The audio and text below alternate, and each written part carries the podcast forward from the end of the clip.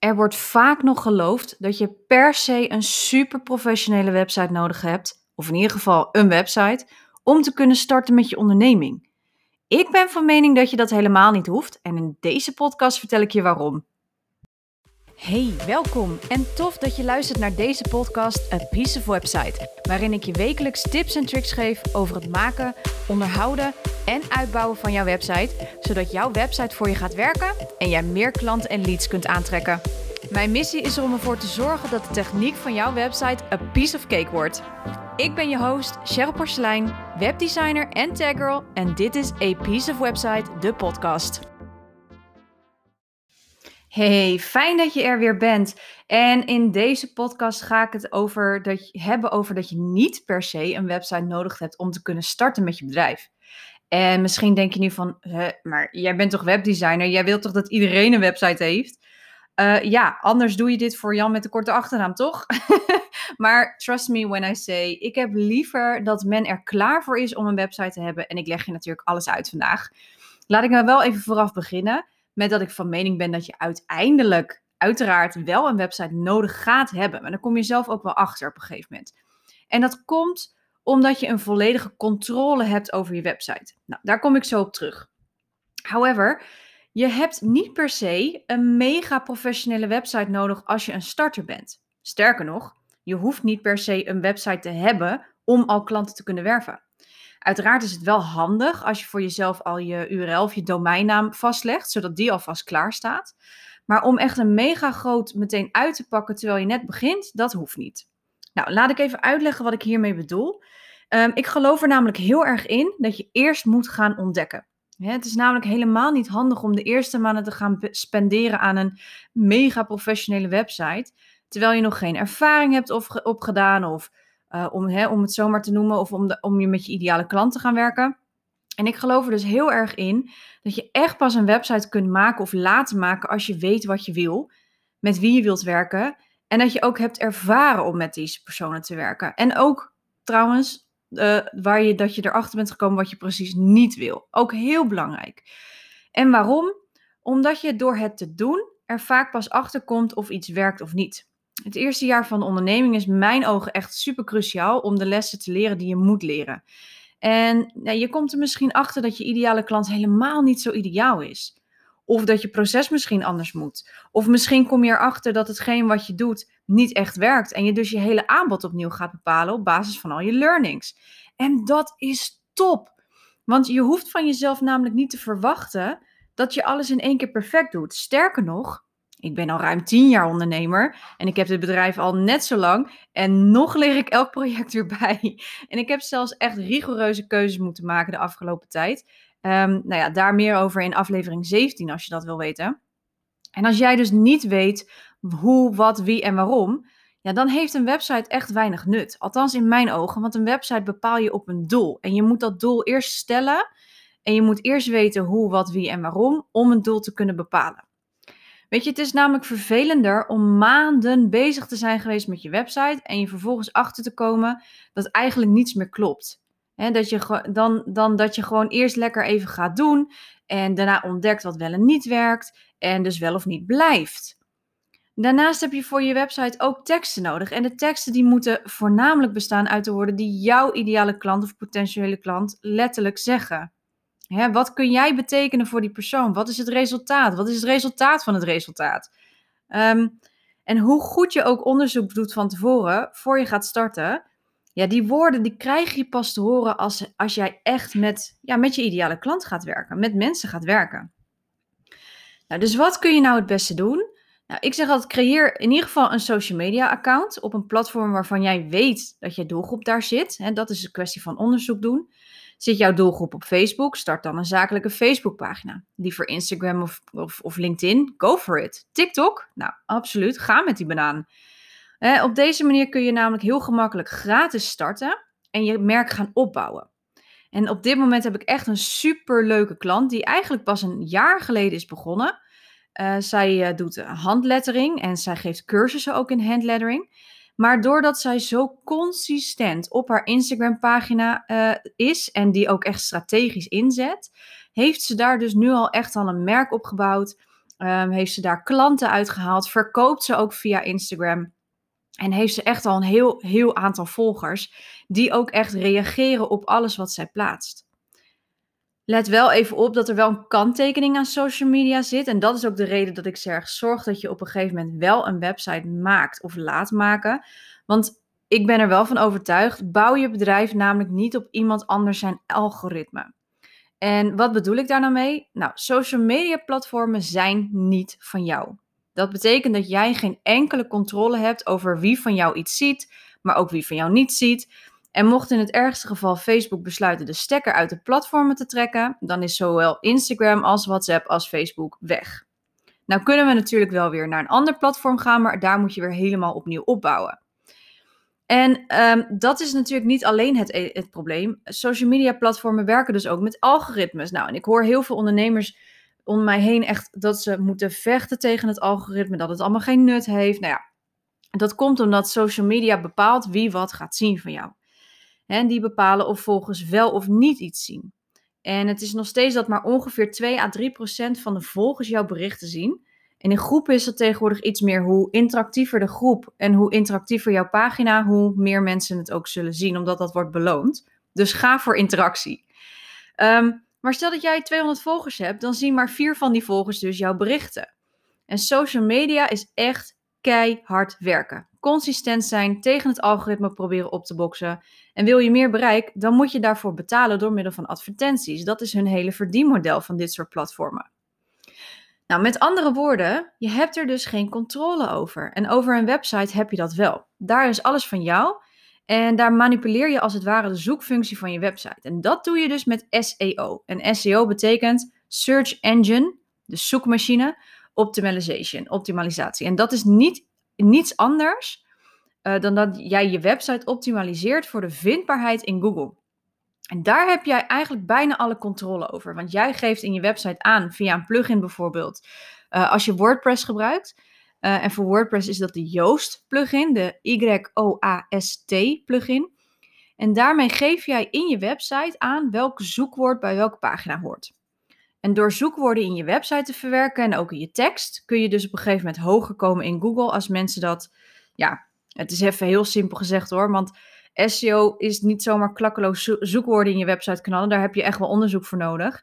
En er zijn hier ook bedrijven in gespecialiseerd, voor een reden natuurlijk. Maar uh, even simpel gezegd, hoe beter je zoekwoorden, hoe meer bezoekers jij op je website zult krijgen op een gegeven moment. Hoe actiever je website is, uh, is ook heel belangrijk. Dus denk aan een blog. En ook hoe lang mensen op jouw website blijven. Dus hoe langer mensen op jouw website blijven, hoe relevanter Google daaruit haalt. Of sorry, hoe, hoe, hoe meer Google daaruit haalt dat jouw blog of jouw website relevant is aan het zoekwoord dat er wordt gezocht en dat prijst Google door jou uiteindelijk hoger in Google te laten komen. En over al die punten heb jij dus eigenlijk de volledige controle. Want jij kunt heel gemakkelijk je blog volstouwen, bij wijze van spreken, met zoekwoorden.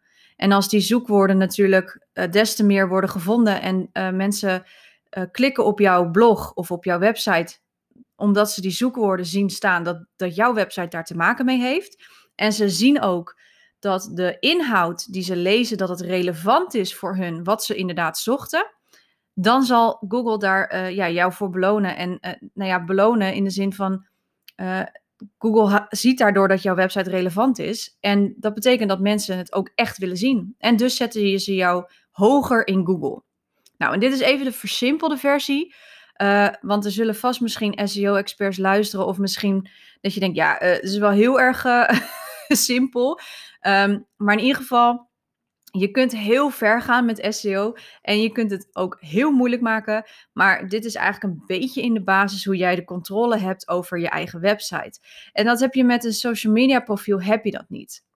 En de klant waar ik nu mee werk, die doet nu alles via haar Instagram. En haar klanten moeten haar een DM sturen. Zij stuurt dan een tikkie. Nou, ondertussen is ze wel overgestapt al via haar website op Ideal betalingen. Um, maar daar werd ze dus voor betaald en vervolgens moest ze dan daarover nog een factuur sturen. Nou, moet je even voorstellen als je dus dat 100 keer per dag zou moeten doen. Oh my god, dat is echt niet efficiënt. dat is dus niet handig.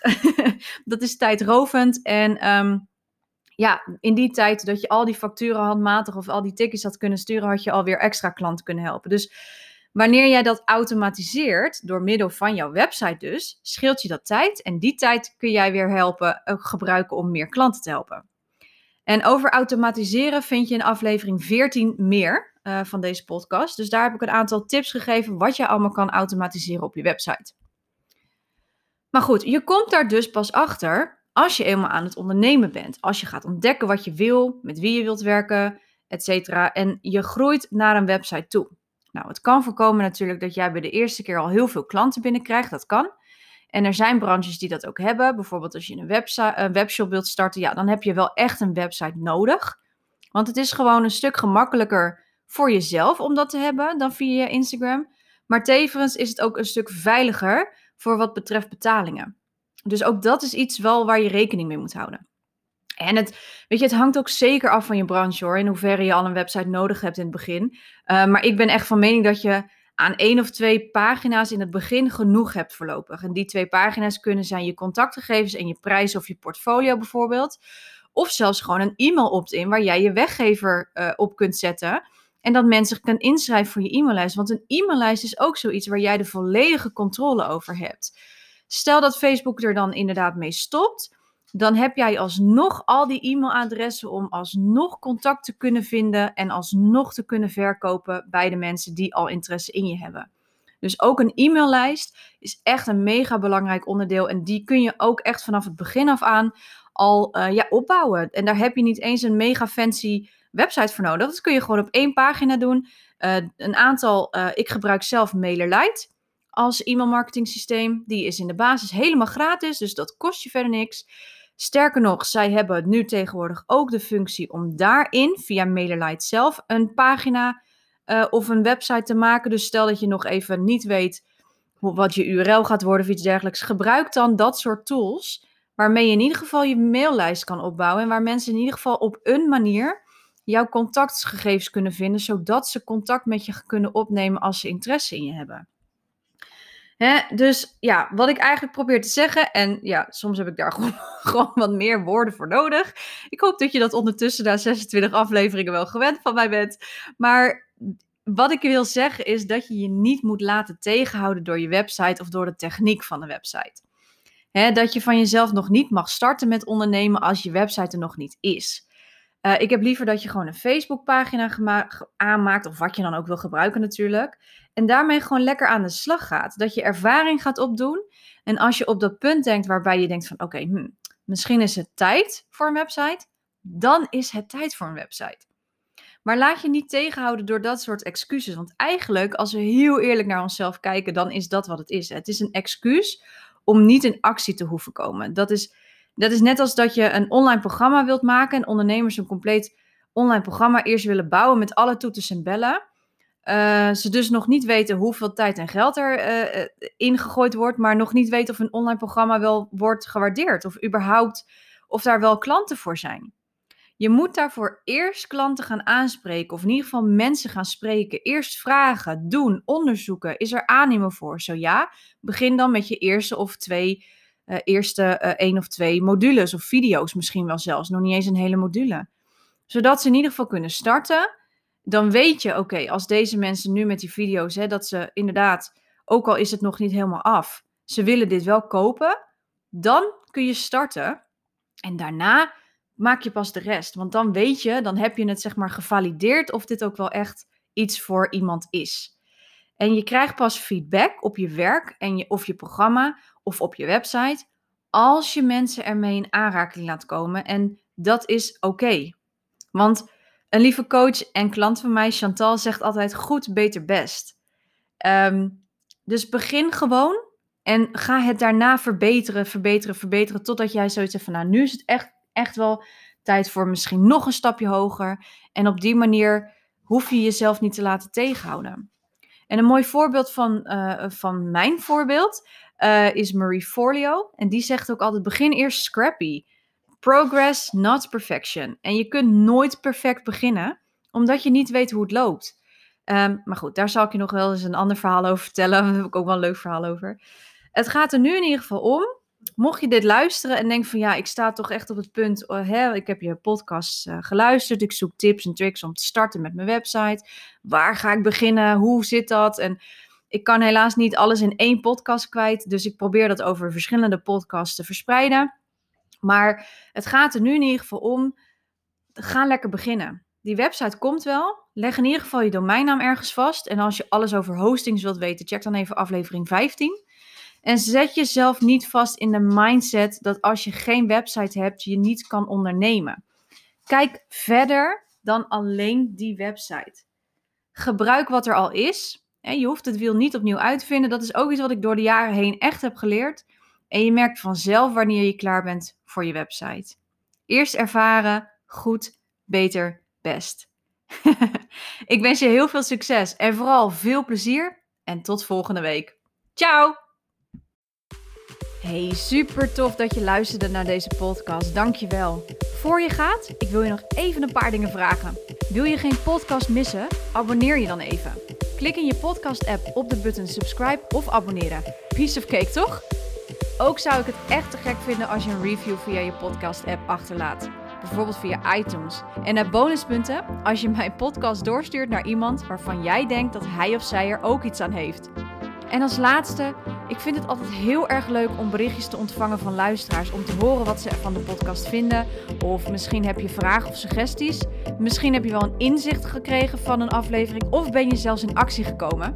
Stuur mij dan even een DM via mijn Instagram, Porselein. Of maak een screenshot van een van de afleveringen in je Insta-stories en tag mij. Hoe meer ondernemers de podcast horen, hoe meer ondernemers ik kan helpen.